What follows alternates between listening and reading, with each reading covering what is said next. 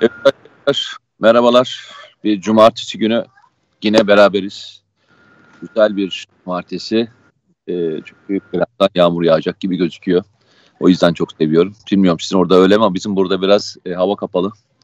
Ee, inşallah yağar. Güzel bir serinlikle e, devam ederiz bugün.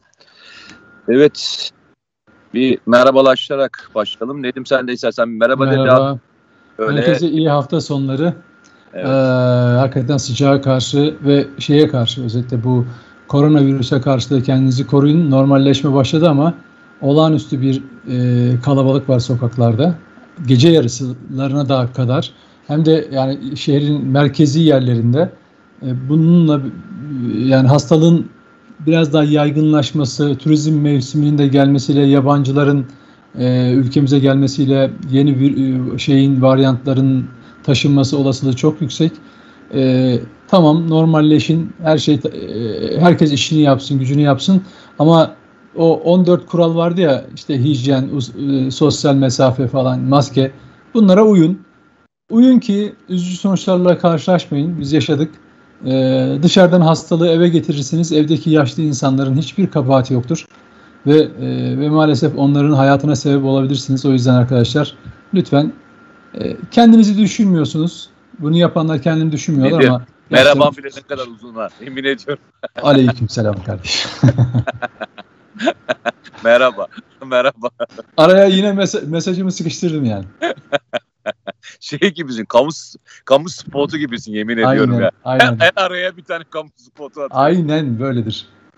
Peki. Evet başlayalım. E, Leylu Nehar ilk 11'de e, mesaj bırakmış. E, çok teşekkür ederiz. İyi bir hafta sonu diliyoruz sizlere. Volkan Şen aynı şekilde. E, Erdem Günaydın, Cihangir Yıldız, e, Nanotek, Bogaç Kaynak, Yavuz Mutlucan, Serhaç, Serhan, Serihan Meriç, Vedat Erdoğan, Tahir Aydın. Tahir Aydın çok güzel bir şey söylemiş. Eskişehir'den İstanbul'a seyahat, yolculukta dahi sizi yaren olmak kafi. Ülkemin en en iki adamı demiş. Çok teşekkür ederim Tahir Bey. Yani yarenlik etmek çok e, güzel bir şey. E, Manora Zora aynı şekilde. Antalya'dan selam söyleyen Süleyman Peker var. Demet Kalaycı Özbakan Bartın'dan sevgi ve saygılarını iletmiş. Hava Dudu Akan Eskişehir'den selam söylemiş. Berrin Menderes e, Karmutoğlu bekliyoruz Tarsus'tan demiş. Norveç'ten selam var. Durmuş Ali Ünlü, e, İsmail Özdemir e, selamını göndermiş. Daddy Lost e, Kahramanmaraş'tan e, selam göndermiş. Fransa'dan selam var. Ufuk Topan'dan. E, Ahmet yine aynı şekilde selam. Mehmet Şahin e, selam göndermiş. E, orada bir soru sormuş. Ben onu açıkladım Mehmet. E, onu hatta M5'te bile yazdım. O SİHA'dan daha e, önemli bir sistem nedir diye sormuşsun. Onu hem YouTube'da hem de diğer yerlerde yazdım da. E, o yüzden hani oradan bakabilirsin. 5 ay geçti niye söylemiyorsun, bir buçuk ay geçti niye söylemiyorsun diye bir sistem yapmıştı. Hmm. Mevzuyu niye söylemiyorsun diye söyledim arkadaşlar.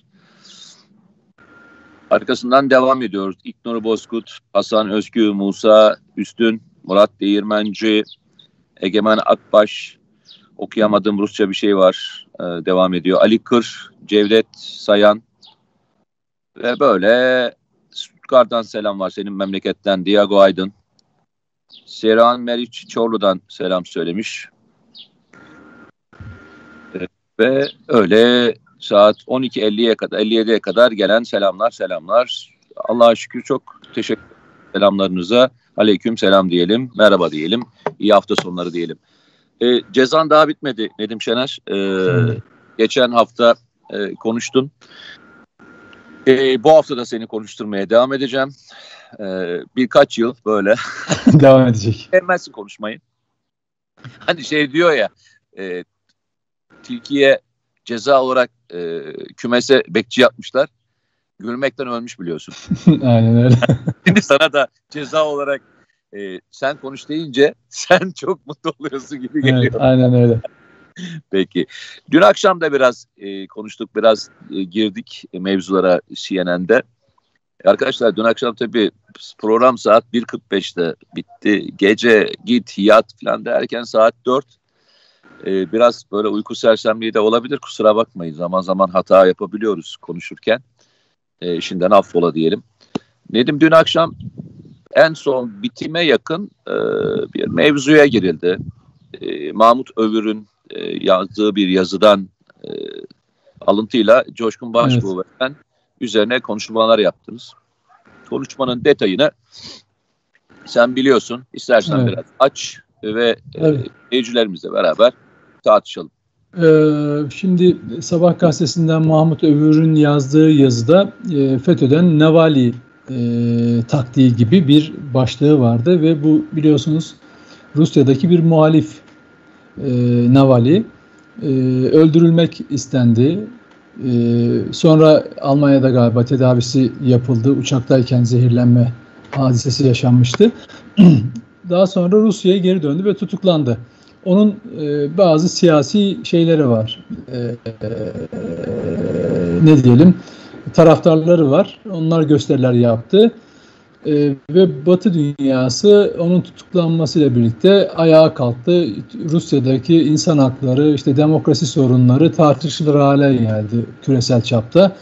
Avrupa Birliği kınadı, Amerika kınadı, işte yani bir anlamda bir e, ülke içindeki e, bir ne diyelim siyasi hareketlenmeye neden oldu. Şimdi e, Mahmut Övür'ün e, yaklaşımı da şu. Zannediyorum şeyden esinlendi biraz ya da konuştuğu kaynakların esinlendiği konu Türk Demokrasi de, Türk Demokrasi Projesi diye Amerika Birleşik Devletleri'nde Washington'da kurulan bir dernek var biliyorsunuz. Son zamanlarda çok konuşuyoruz. Trump döneminin e, Ulusal Güvenlik Danışmanı John Bolton e, bunların danışma kurulunda e, kurucuları arasında Fethullahçı terör örgütünden e, firari olan eski emniyet amiri Bülent Özeren var. E, bu da doçent ünvanı ilken etmiş ve firar etmiş birisi. E, CHP milletvekilliği yapmış olan e, halen firari olan FETÖ'den e, Aykan Erdemir var. Bunlar Türk e, kökenliler, Türkiye'den e, olanlar. Geri kalanlar Amerikalılar e, oluşturuyor ve bu Amerikalıların bir özelliği var. Daha önce e, İran'a karşı bu şekilde kurulan bir e, vakfın, derneğin de e, yöneticileri olmuşlar. Oraya yönelik bir operasyon parçası olmuşlar, ya, yaptırımları. Hani bir alıntı yaparak söyleyeyim arkadaşlara e, şey olsun, hani fikir olsun. Yani arkadaşlar şöyle bir şey uyanmasın. Yani bu adamlar yani bu söylediğimiz şahıtlar çok demokrat oldukları için dünyaya demokrasi dağıtmak Değil. için derneğe gelmiyor. Yani Joe Bolton'ın Bolton'ın kim olduğunu söylemeye gerek yok. En son Trump'ın danışmanıydı. Tabii. Ee, Trump Trump'ın bu herife kalsa dünya savaşı çıkar dünyanın her tarafında dediği evet. adamdan evet. bak. Yani bu evet. yani çok şiddet manyak. yanlısı bir herif tabii. Neydi? Şiddet yanlısı bir tip yani. yani. Bu kalsa e, biz herkese e, savaşırız dediği bir adamdan evet. bahsediyoruz. Evet. Yani hani demokrasiyle e, ikisinin yan yana getirileceği insan figürleri değil. Öyle söyleyeyim evet, sana. Evet. Yani. O yüzden anlayın. Hani, şöyle belki tanımayanlar olabilir. Amerikan film, kovboy filmlerinde böyle kirli şerifler vardır hani böyle kasabada. Bütün kanun odur. Gider istediğini tutuklar, vurur falan filan. Böyle post, post bıyıklı. Yok gerçekten öyle ya. Hayır hayır böyle Hocam, örneklerini öyle. Kirli şerif. kirli şerif yani kirli polis var ya. Onların kirli polisleri var. Sürekli filmini çekerler. Uyuşturucuda, e, ticaret, kadın ticareti de her türlü pisliği yaparlar. Sonra yine bir Amerikan bayrağı arkada e, gösterirler ve Amerikan sistemi hep galip gelir. O kirli polisi de aklayan, şey temizleyen iyi polisler vardır Amerika'da hep böyledir. Bu Bolton çok e, tipik bir karakter. Tipik bir Amerikan e, düzeninin o kovboy haydut düzeninin tipik temsilcisi. Tipiyle de öyle. Post bıyıklı öyle. Kovboy başına bir şapka geçirin. Beline de bir tane kovboy tabancası falan verin. Böyle dünyaya tak tak tak ateş etsin falan. Yani anlatabiliyor muyum? Yani öyle öyle garip şey bir adam. Dünyaya öyle bakıyorlar. Yani şöyle düşün. Nasıl sen ben kendi tarihimizden, geçmişimizden 100 yıllık, 200 yıllık, 500, 2000 yıllık tarihimizden referanslar alıyorsak, bunu içselleştirmişsek onlar da onu içselleştirmişler. Yani sonunda e, kovboy kültüründen e, gelen, haydut kültüründen gelen e, ve daha sonra bunu bunu devlet adı altında organize eden bir yapıdan bahsediyoruz. Kanunları bile oralara referans verir. Yani yaşantıları bu. Neyse. Şimdi Mahmut Övür'ün yazısına dönersek diyor ki e, Türkiye'de bir demokrasi ve insan hakları tartışması açmak, bu ülkede e, bununla ilgili büyük bir tartışma, kaos, ayaklanma, halkı da sokağa çıkaracak bir ayaklanmaya sebep olmak için Fethullahçılardan 50 kişilik bir insan kümesi, grup, kişiler Türkiye'ye gelecekler. Bunlar tutuklanacaklar dolayısıyla ve e, Amerika, Avrupa Birliği falan ayağa kalkacak. Zikredilen isimler var yazıda. Mustafa Özcan, e, Mustafa Yeşil ve Ekrem Dumanlı gibi. Şimdi e, yani kurgusal olarak düşünürseniz bir fantastik bir roman, fanta, fantastik bir yazı. Yani dünyadaki bir gelişme var Navali. E, Türkiye'de de insan hakları konusu son zamanlarda çok tartışma e, yapılıyor. E bunu yeniden gündeme getirmeniz için ne yapmanız lazım? İşte mağduriyetleri arttırmanız lazım ki Türkiye bu konuda sürekli zan altında kalsın falan. Yalnız tabii ben ona itirazım şundan. Böyle bir şeyin olasılığı dahilinde görmüyorum. Eğer bu kişilerde eğer azıcık bir cesaret olsaydı zaten kaçmazlardı. Malum bunlar 15 Temmuz öncesi örgütün yurt dışına kaçırdığı isimler. Yani örgütün üst düzey yöneticisi ve Fethullah Gülen'le doğrudan görüşen isimler. Bunların buraya gelmesi gibi bir durum imkansız. Bir, birincisi kendilerinden kaynaklanıyor. Cesaretleri yoktur. Bunlar mesela Ergenekon Balyoz operasyonları sırasında e, gözaltına alınacağını bilerek e, teslim olmaya gelen yurtsever askerler gibi değil. Ya da bizim gibi değil. Bizim tut, yani bizler tutuklanacağımızı bile bile e, gündelik hayatımızı sürdürdük. Çünkü söylüyorlardı zaten. Dolayısıyla kaçmak aklımıza bile gelmedi. Onlardan çok daha fazla fırsatımız olduğu olmasına rağmen, imkanımız, kapasitemiz olmasına rağmen böyle bir şey e, yapmadık. İkincisi Ergenekon balyoz süreçlerinde yurtsever insanlar, askerler e, yurt dışındaki görevini bırakıp hakkında arama ve tutlama kararı olduğunu bile bile bile istese onlar gibi kaçarlardı ama gelip Savcı Zekeriya Özün'üne tutuklanmayı kabul ettiler. Hepsi farkındaysanız o dönemin simgesidir. Siz e, e, adliyeye, savcıya ifade vermeye çek çek çek e, çekçeyle giden, bavuluyla giden insanlar gördünüz mü hiç? Ama o Ergenekon Balyaz'da böyle yaşandı bu olaylar. Dolayısıyla FETÖ'cüler kumpas kurdukları namuslu askerler kadar şerefi olamaz. Onlarla yan yana gelemez. Onlar teslim olmazlar. Onlar ülkelerine vere, yurt dışından verebilecekleri her türlü e, zararı vermeye kalkarlar, yaparlar da. Kaldı ki Fethullahçı terör örgütünün e, şöyle söyleyeyim, abartmıyorum, örgüt elemanları dahil olmak üzere önemli bir kısmı tabanda örgütle yakın olmuş olanlar bile şu andaki Fethullahçı terör örgütünün merkez komitesine diyelim karargahına nefret kusuyorlar. Yani şu şöyle bir oran vereyim. %98'dir en az. Şu anda Türkiye'de yaşayanların %98'i çocuklardan yaşlılara kadar. Fethullahçı terör örgütünden Fethullah Gülen'den nefret ederler. Biz hatırlar mısınız Erzurum'a gittik seninle Mete. Ağzımızdan işte Erzurum'da e, Fethullah Gülen işte Erzurumlu falan dedik. E, şeydekiler salondakiler ayağa kalktı bir anda. Onu bizim adımızla Erzurum'un adıyla yan yana koymayın diye. Yani düşünün şeyde oradaki eskiden kalma evleri mevlerini bile harap ettiler. Dolayısıyla hiçbir saygınlığı, hiçbir değeri olmayan insanlardır Fethullahçı terör örgütü. O yüzden zaten karakter ve şahsiyetleri olmadığı için başka kimliklere bürünürler. Onlar üzerinden sosyal medyada veya hatta bazı toplumsal olayların peşine takılarak belli bir itibar devşirmeye çalışırlar. Dolayısıyla herhangi bir Navalny gibi mesela Rusya'da Navalny'nin belli bir siyasi karşılığı var. Fethullahçıların hangi siyasi karşılığı var? Veya Fethullahçıların demokrasiyle nasıl bir karşılığı, karşılığı var? Veya insan haklarıyla bu adamlar bakın soru çaldılar yüz binlerce gencin ge- geleceğiyle oynadılar. Kumpas kurdular binlerce sivil e, bürokrat hayatlarıyla oynadılar ölüme sebep oldular.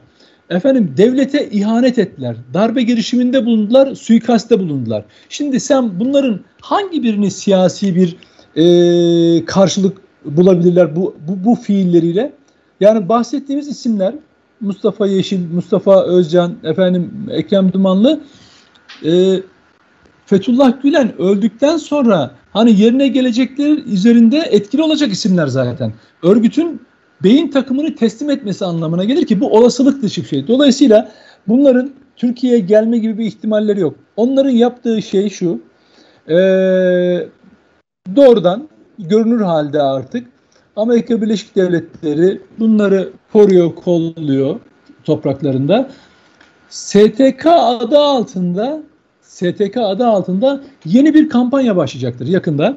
Onun altyapısı bu. 17-25 Aralık sürecinde farkındaysanız şu anda sosyal medyanın ve bazı medyanın gündeminde e, özellikle Sedat Peker'in açıklamalarıyla beraber Sezgin Baran Korkmaz ismi, gündeme geldi ve olay bir anlamda 17-25 Aralık süreci yaşatılmaya çalışılıyor. Öyle bir algı e, doğurulmaya çalışıyor. Şimdi ve en kötüsü tabii şu e, bir muhalefet lideri de çıkıyor diyor ki Türkiye Avrupa'da en çok kara para aklanan bir yer falan. Şimdi diyelim ki e, Sezgin Baran Korkmaz'ın bahsedilen rakam 150 milyon, 130 milyon dolar civarında falan. Bunun bütünü ki daha mahkemesi şey değil, bütünü kara para olsa bu Türkiye'yi Avrupa içinde yapar mı? Peki e, Amerika bile bu, bu, bu para Amerikan hazinesini dolandıran bu adamlar Amerika'dan geldi. Siz hiç bir Amerikalı siyasetçi, Amerika dünyanın en çok kara para giren ve çıkan ülkesi diyen oldu mu? Bu kara bak kara parayı aklayan o Sezgin Baran'ın korkmazının arkasında olan birkaç Amerikalı var. Onlar kara para aklamak için Türkiye'yi seçmişler değil mi? Yani kara paranın merkezi orası. O da neresi? Amerikan hazinesini dolandırmışlar.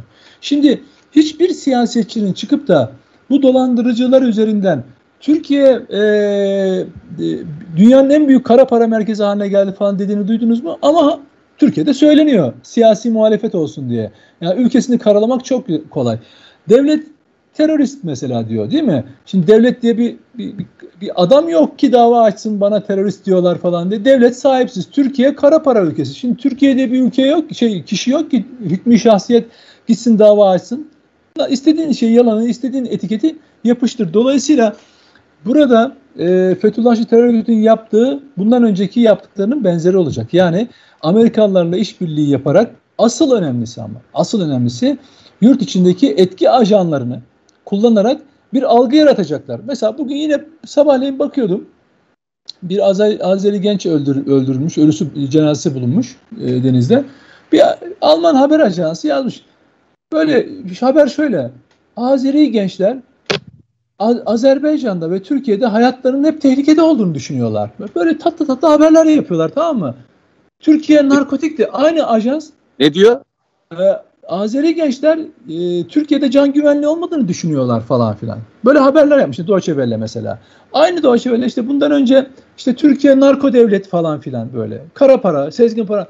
Ha böyle bir algı çalışması, etki ajanlığı yapıyorlar. Etki ajanlığı yapıyorlar arkadaşlar. Yani bakın izlediğiniz kurumları takip ettiğiniz e, markalara bakın. Bunların bütün işlevi bu ülkeyle ilgili etki ajanlıdır. Yani bir olay olmuştur, bir kişi öldürülmüştür. Onun faili kimdir? Fail bulunsun, cezalandırılsın değil. Bu, bu bir mikro olay üzerinden makro bir değerlendirme. Türkiye can güvenliğinin olmadığı bir ülke. İşte Türkler bile bundan muzdarip. Bak Azeriler bile e, kendini tehlikede hissediyor. Dolayısıyla FETÖ'cülerin yapacağı buna benzer işler olacak. Ne olacak biliyor musun? hep Türkiye'de insan yaşamı, insan hakları, demokrasi falan üzerinden bir tartışma yaratmaya çalışacaklar. Zaten son zamanları soldan sağdan baktığın zaman bütün siyasi e, figürler aynı kavramları kullanmaya başladılar. Ya ben de hep şunu soruyorum arkadaşlar. Demokrasi bundan 5 yıl önce tam bir Temmuz akşamı 15 Temmuz günü en büyük saldırıya uğradı.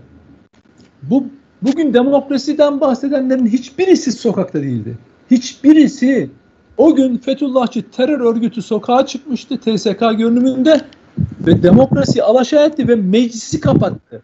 Ey millet uyanın demokrasi bak hukuk meclis diyoruz ya hani bugün meclis işlevsiz falan o gün meclis kapatıldı. Sıkı yönetim ilan edildi. Bildiri okundu. Ne yaptınız o akşam? Oturup bazılarınız alkışladınız. Bazılarınız kadeh kaldırdınız. Bazılarınız müezzinleri, sela okuyan müezzinleri dövdünüz. Değil mi? En cesuru işte bazıları e, ekmek, bulgur, makarna kuyruğunda, kimi bankamatik, kimi benzin kuyruğunda geçirdi. Hani dedim ya en en tarafsız olanı yorganın altına saklanıp olanları seyretti. İşte bazen Kılıçdaroğlu gibi gidip Bakırköy Belediye Başkanı'nın evinden de oturup televizyondan izleyenler var. Ya da diğer bazı siyasiler gibi televizyon başında darbe izleyenler falan var. E, demokrasiden bahsedenler o gün 15 Temmuz'da neredeydiniz? Neredeydiniz? Çok açık, aleni bir saldırı vardı. O gün tutuklanacaklar, öldürülecekler belliydi. Hepimiz hangi listede olduğumuzu biliyoruz aşağı yukarı. Peki siz neredeydiniz o akşam?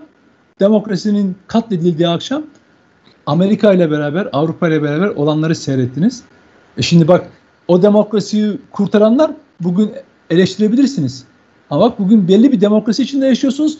Erdoğan'a isterseniz diktatör diyorsunuz. E, dava açarlar açmazlar. İsterseniz e, istediğiniz lafı söyleyebiliyorsunuz değil mi? Cumhurbaşkanıdır falan. Fethullah Gülen'e bir şey söylüyor. Hala bugün Fethullah Gülen'e bir şey söyleyebiliyor mu bu insanlar? Yani bu adam katildir. Hani Erdoğan'a diktatör falan diyorlar ya tamam. De istediğini söyle. O senin ifade özgürlüğün. O senin tercihin. Peki Fethullah Gülen'e bir şey söyleyebiliyorlar mı Ali? FETÖ'cülere bir şey söyleyebiliyorlar mı? En kibarı ya da en cesuru cemaat diyor hala biliyor musun? En cesuru. Niye? Çünkü patronları aynı hocam. Yarın yarın diyorlar ki yani siyaset iki türlü yapılıyor. Dünyada bir küresel sistem var. Bu sistemin de bir sahipleri var hocam. Tamam Türkiye'de bu sistemin içinde bir parça. Yarın birileri iktidar olduğunda, iktidar değiştiğinde ya bu da bunun parçası olacak. Ben şimdi onların düşmanlığını niye çekeyim diye düşünen bir sürü insan var. Korkanı var, fırsatçısı var. Dolayısıyla Fethullahçılar, FETÖ, FETÖ terör örgütü de ben asla ve asla onurlu bir şekilde Türkiye'ye gelecekler. Efendim teslim olacaklar. Bunun üzerinden bir tartışma yapacaklar. Öyle bir şey olsaydı bak yine örnek verdim dün akşam. Ekrem Dumanlı adı değil mi? Bu ahlak yoksunu adam bir gazeteyi yönetti ve kendisinin gazeteci olduğunu iddia ediyor. Peki öyle yapalım. Hani cesaretten bahsediyor, korkusuzluktan bahsediyor değil mi? Tamam öyle yapalım. Öyle aynen o, bağlamda konuşalım. Sen zaman diye bir gazete çıkardın. Bak FETÖ'cülüğünü falan bıraktım. Fethullah Gülen'le ilişkilerini falan bıraktım. Çıkardın. Bir şey, bir mücadeleye girdin. Hatta söylediğin gibi haksızlığa uğradın. Haksızlığa uğradın kardeş. Tıpkı bizim sizin tarafınızdan uğratıldığımız gibi. Niye kaçtın? Neden kaçtın? Hangi suçu işlediğinde kaçtın sen? Türkiye'de hukuk yok. Peki senin çalıştırdığın muhabirler, yazarlar tutuklandı. Ekibin başı sensin. Komu ya ordunun komutanı diyelim ki örnek olsun diye söylüyorum. Sen bu gazetecilere yöneticilik yapmışsın. İnsan onları bırakıp da kaçar mı? Hukuk yok. E onların içinde yok madem hukuk. Onlarla aynı kaderi paylaşmak cesareti niye göster? Çünkü sen sen yani şöyle söyleyeyim. En alçak terör örgütü PKK'dan bile alçaksın. Bak endan nasıl bir yani nasıl bir çukur olduğunu dünyada böyle bir çukur yok. Yani PKK mesela PKK'nın bile ölümü göze alarak Türk askerinin karşına çıkar komutanı da indirirsin. Tamam mı? Örgü, o örgütle bir mücadele şeyim vardır. O örgütte bir anlayış vardır. Ama sen bir, bir terör örgütünün yayın organında çalıştın. Gazetenin başına geçtin. O kişiler oralara yalan yanlış bütün haberleri getirirken sen de zaten o işin paydaşı olarak yayınladın. Ve o insanlar kaçamadılar. Çünkü örgüt onları istemedi yurt dışında, bakmak istemedi. Burada bıraktı. Onlar tutuklandı ve sen kaçtın. Sen de bak dünyanın en alçak terör örgütü PKK'dan daha alçaksın ki kendi elemanlarını bırakıp gidebilen bir onursuzsun. Şimdi bu adamdan tutup da Türkiye'ye gelip de insan hakları ya Allah aşkına FETÖ'cüler tükürü yani FETÖ'cüler hapiste tükürüyle boğar bu adamları. Der ki neredeydiniz ya? Biz bu kadar hapis yattık. Adam Fethullah Gülen şöyle bir üçkağıtçı biliyorsun. E, kaçanlara hicret edin diyor kaçmak isteyenlere. Hicret edin diyor. Peygamberimiz de hicret etmiştir falan diyor. Ondan sonra yakalananlara ne diyor? Hazreti Yusuf me- şey medresesindesiniz. Sabırlı olun, kurtulacaksınız falan diyor. Bak herkese bir yalan söylüyor tamam mı? Şimdi Ekrem Dumanlı'ya ne diyecekler yarın bir gün öyle bir şey olsa gelse? Koyun bakalım onları FETÖ'cülerle aynı hücreye. Vallahi tükürüyle boğarlar. Böyle korkak, böyle alçak, böyle e, kendi elemanlarına bile sahip çıkamayacak onursuzlukta bir adam bugün tutup da Peki, siyasi figür yani e, sözün anlaşıldığını düşünüyorum. Yani bu e, olayların gelişimin de aynı olduğunu düşünüyorum. İstersen bir mevzuya daha geçelim. Yani yani senin söylediğin şey şu. E, bu bir çalışma olabilir ama bunu hayata geçirecek kadar yürekli FETÖ'cü olmadığını için zaten hayata geçirilemez diyorsun. Kısaca bunu söylüyorsun anladığım kadarıyla. Evet böyle bir proje olabilir. Yani Mahmut Övür yazdığı şeyin içerisinde bir deneyim olabilir. Ama bunu gerçekleşecek adam bulamazlar Yok. Diyorsun. Yani ben şöyle ben e, böyle bir şeyin yap, böyle bir şey yapabileceklerini ya, zannetmiyorum. Asla da yapamazlar. Ne o işte cesaretleri ne o toplumsal karşılıkları. Evet. Yapamazlar diyorsun zaten. Ben de onu söylüyorum. Evet. Zaten evet. adam için yapamazlar. Plan evet. çalışır olabilir ama adam bulamazlar diyorsun. Ya onun yerine şöyle önerim e, şey var. İşte Avrupa'ya kaçmış falan bazı FETÖ'cülerle işbirliği yapmış daha bağımsız görünen tipler var. Onlardan falan diyeceğim ama onlardan birini, bir tanesini, iki tanesini getirip böyle uluslararası figür haline getirmek isteyebilirler. Ama onlarda da o cesaret yok. Niye biliyor musun? Onlar da zamanında beraber çalıştıkları insanları satıp kaçtılar. Şimdi bir tane e, adam yok. Bak Mete FETÖ'yle mücadelenin başından sonuna yurt dışındayken veya firar etmiş iken gelip de kardeşim siz ne diyorsunuz biz hiçbir suç işlemedik diye cesaretle yargının karşısına çıkabilecek bir Allah'ın kulu olmadı. Ve hala gaybubet evlerinde saklanıyorlar. Hala kaçmaya çalışıyorlar ve yakalanıyorlar farkındaysanız. Hani bir palavraları var bunun. Devran dönecek de bilmem ne de falan. Ulan bekliyoruz ki Allah'tan bir tek duamız var. O devran dönse de bir karşı karşıya gelsek. Bütün millet bunu bekliyor zaten. Enayiler bu millet onu bekliyor. O devran bir döneydi, döne de siz bir karşımıza çıkaydınız diyor millet biliyor musun? Peki. Şimdi e, dün de biraz e, girmeye çalıştık. Biraz daha detaylarına girdik ama e, bu mevzu aslında bir taraftan da oraya bağlanıyor. Demin şimdi anlattığım mevzuyla da ilişkili. Hatırla e, 2000 işte 8'lerde başlayan daha sonra ta 2012'lere kadar devam eden süreçler içinde kumpaslar ve diğerleri içerisinde Türkiye'de bu işe karşı çıkan insanlar vardı. Yani ama biz bunları yazarken, çizerken veya konuşurken Avrupa Birliği'nden bu kumpaslarla ilgili ne Avrupa Parlamentosu'ndan ne de e, Avrupa'nın o demokrasi e, kuşağından tek bir cümle gelmemişti. O zamanki ihlallerle ilgili. Tabii. Uzun tutuklular, tutukluklarla ilgili. Gazeteci tutuklanmalarıyla ilgili. Hala manşetleri hatırlıyorum. Mesela senin için Taraf gazetesi sanırım şey atmıştı. Zaten onlar gazeteci değil. Değil mi? Gazeteciler, gazetecilerin tutuklanmadılar. Gazetecilikten tutuklanmadılardı. Gazetecilikten tutuklanmadılar. Ee, diyen, e, daha sonra gazeteci olduğu için gir, girdiğini söyleyen e, daha sonra da e, Kemal Bey'in alkışlattığı kişilerden bir tanesiydi. Gazeteci kimliğiyle içeri girdi diye.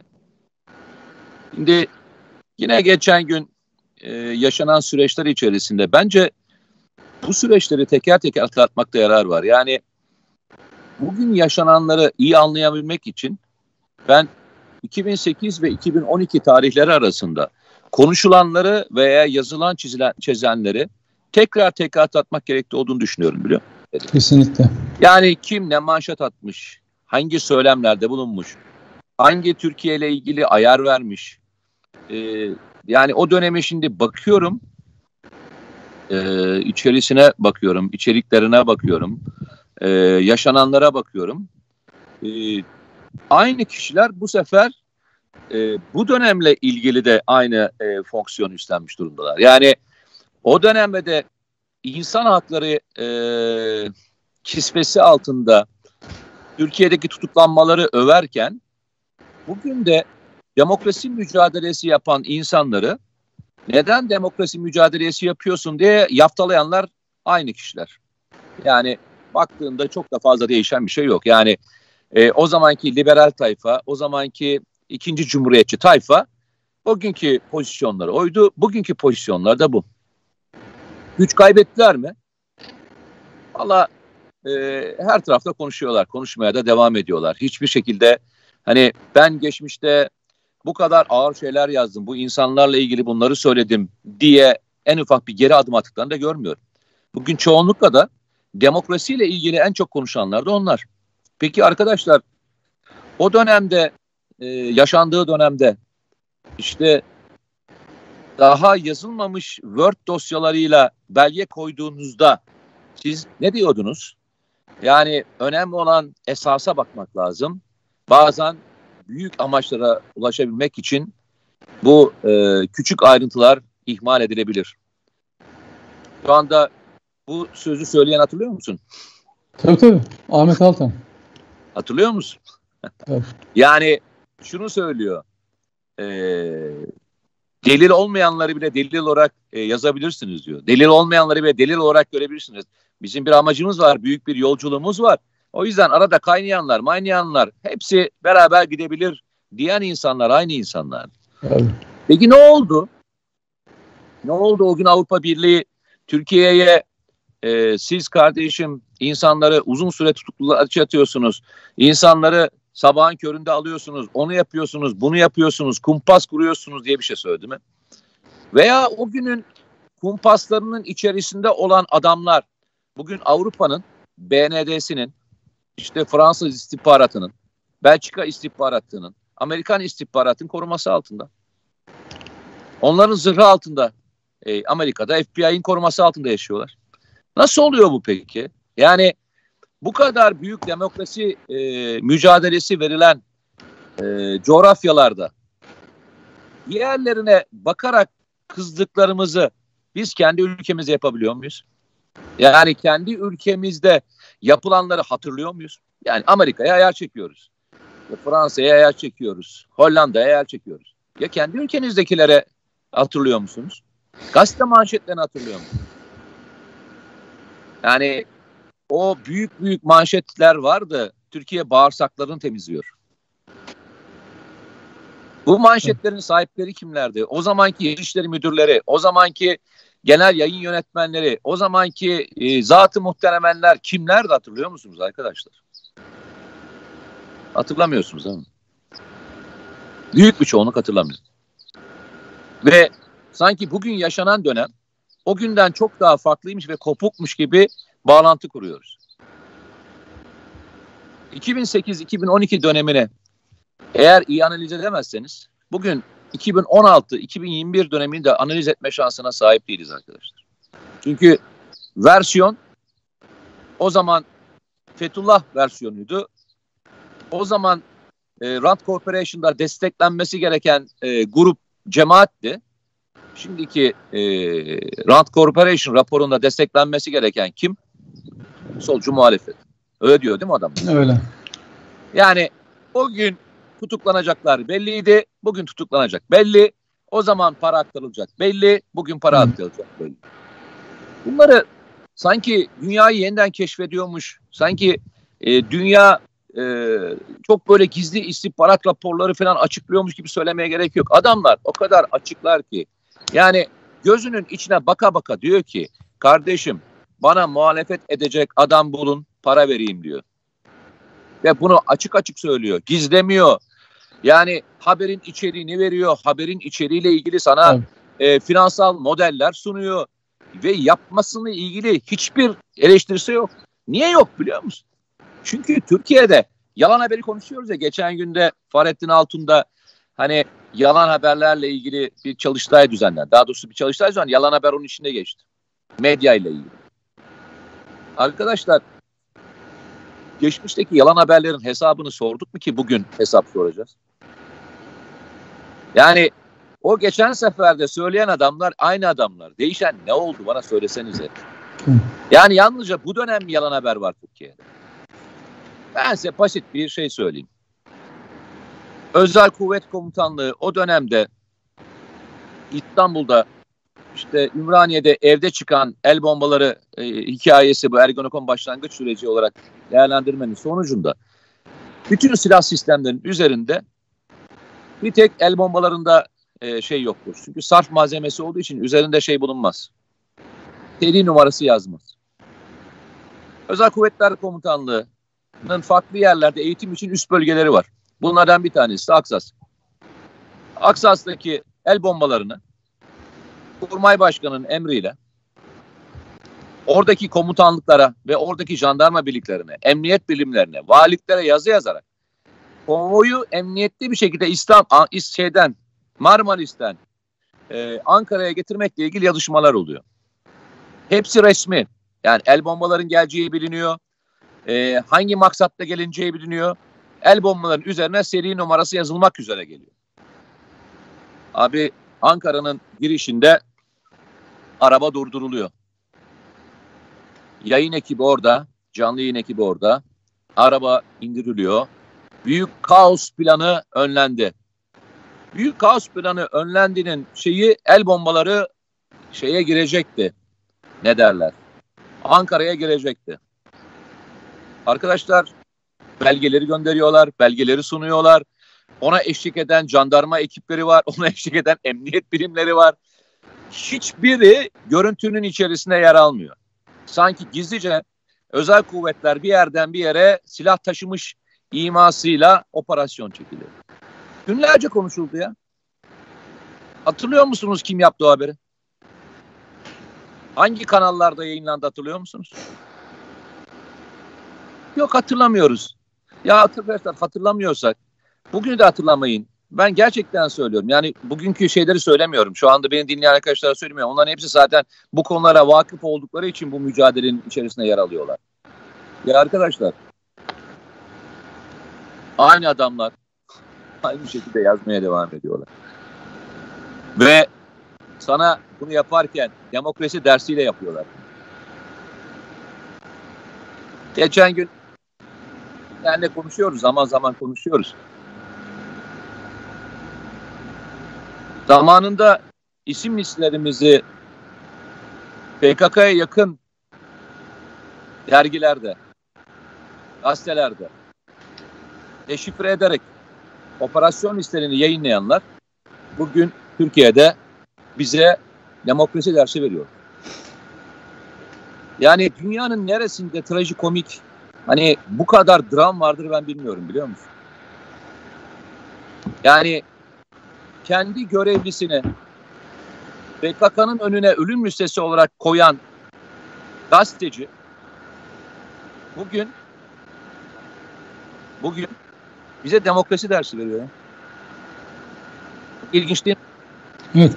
Şöyle e, Mete e, küre e, küresel sistem iki kutuplu dünyadayken yani iki kutuplu dünya varken sosyalist blok, e, NATO bloku ya da kapitalist blok diye ayrıldığı zaman mücadele çok kolaydı. Yani sistematiği işte onlar komünist, bunlar faşist, sağcı falan, kapitalist diye birbirlerini e, mücadele ediyorlardı. Buna göre ülkeler bölünmüştü.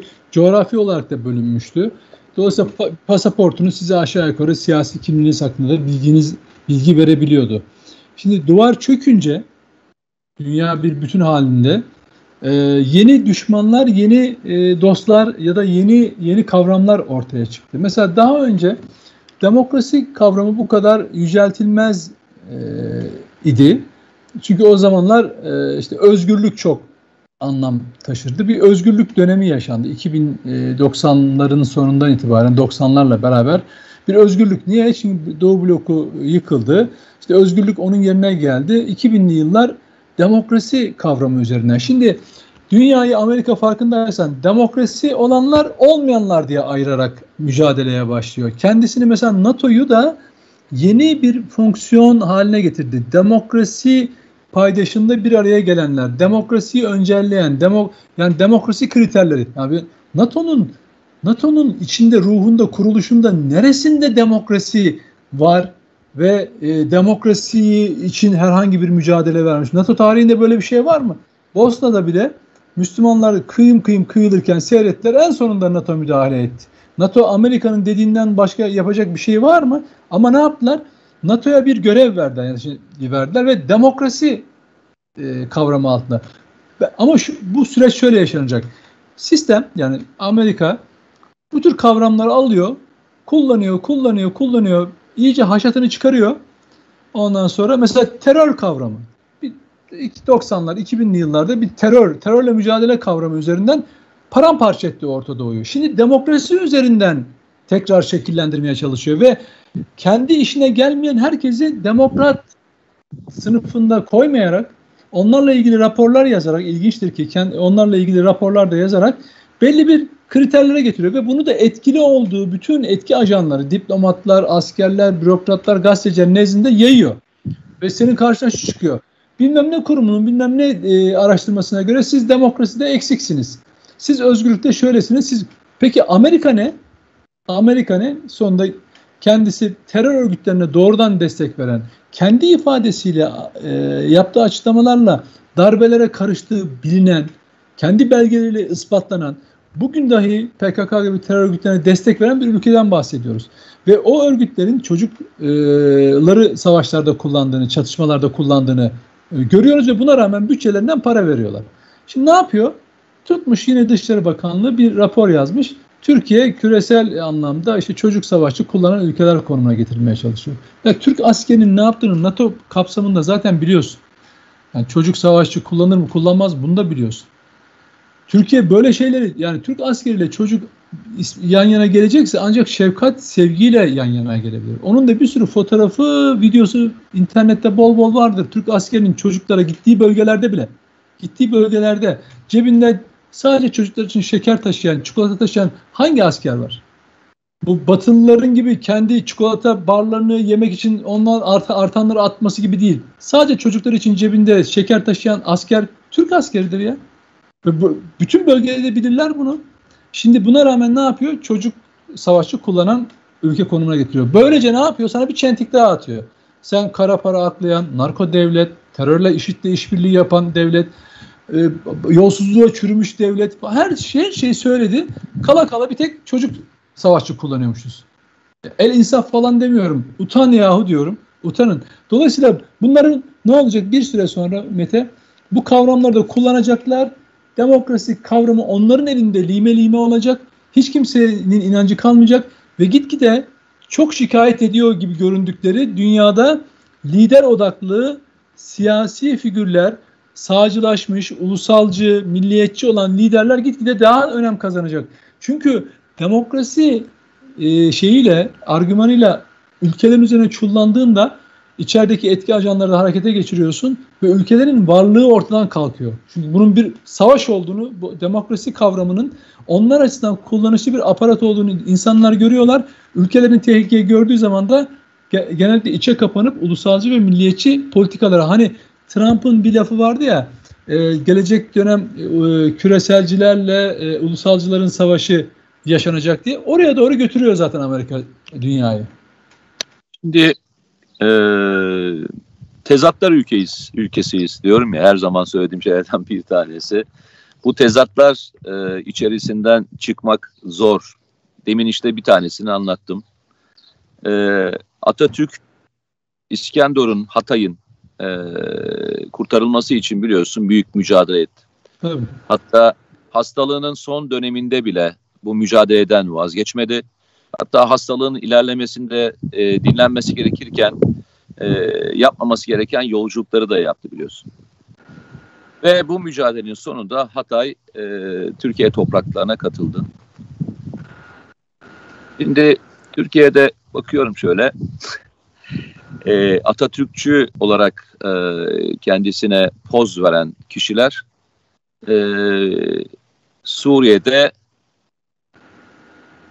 İskenderun'un Türkiye'den kurtulma, kurtarılması için kurulmuş olan bir sol örgütün lideriyle poz verebiliyorlar. Ne güzel değil mi? Evet maalesef. Ve e, konuşurken de bu verdiği pozu bilmiş olmasına rağmen en ufak da bir rahatsızlık gütmüyor. Evet. Yani ve kimse de şu lafı söylemiyor. Ya arkadaş ya sen Atatürkçüsün, e, asker kökenlisin. Yani bu fotoğrafı vermek sana şey gelmedi mi? Yani bu adam e, Türkiye'deki Hatay topraklarının kurtarılması cephesi komutanı olan adam Türkiye'ye karşı savaşıyor, bombalı eylemler yapıyor bu fotoğrafı vermek seni hiç rahatsız etmedi mi diye sorma gereği bile hissetmiyor kimse. Rahatlıkla devam edebiliyorlar. Diyorum evet. ya bir tarafta listeyi yayınlayan adamlar bugün demokrasi dersi veriyor. Bir tarafta ölüm listesi, gazetecileri ölüm listesine koyanlar bugün demokrasi dersi veriyor. Atatürkçüyüm diyenler gidip e, Türkiye'den toprak almakla ilgili istekleri olan adamlarla pozlar veriyorlar. Ya hani ya kardeşim biz nereye düştük ya? Ya gerçekten söylüyorum biz nereye düştük ya? Nasıl bir döneme denk geldik be kardeşim ya? Aynen. Nasıl bir döneme denk geldik ya? Ama normal hayat mücadelesini yapan, hayatını e, yapan milyonlar da bu insanları takip ediyorlar. En ufak vatanseverliklerinden, en ufak bir insanlıklarından, bu ülke sevgilerinden, imanlarından şüphe etmeyeceğim insanlar da bu insanları seyretmek zorunda kalıyorlar. Yazık ya. Hepimize yazık ya. Gerçekten evet. Hep de burada yağmur başladı. Ee, Tamamdır. Arkadaşlar kendinize çok iyi bakın. Allah'a emanet olun. Rica ediyoruz. Hepimizin bakın Nedim'le de benimle de size söylediğimiz tek şey şu. Lütfen her söylediğimizi doğru kabul etmeyin. Lütfen araştırın. Yani biz size bir şeyi söylüyoruz. Lütfen teyit edin. Herkesin de söylediğini lütfen teyit edin. Yani yalanla mücadele yalnızca teyit etmekle ilgili. Bu dönem bu dönem daha çok okumak, daha çok bilgilendirmekle ilgili mücadelemiz olsun. Yalanın en önemli beslendiği yer cahilliktir. Rica ediyorum okumaya, araştırmaya ve bu ülkeyi sevmekten vazgeçmeyin. Bu ülkeye güveniniz olması devam etsin. Çünkü bu ülkenin insanları, gerçek sahipleri sessiz çoğunluk. Onların sessizliği, çoğunluğun ses çıkmadı diye bu ülkeyi yalnız zannetmeyin. İnanın zannetmeyin. Büyük olan biziz, güçlü olan biziz. Yalnız o kadar. Kendinize iyi bakın. Allah'a emanet. Görüşmek üzere. Teşekkürler.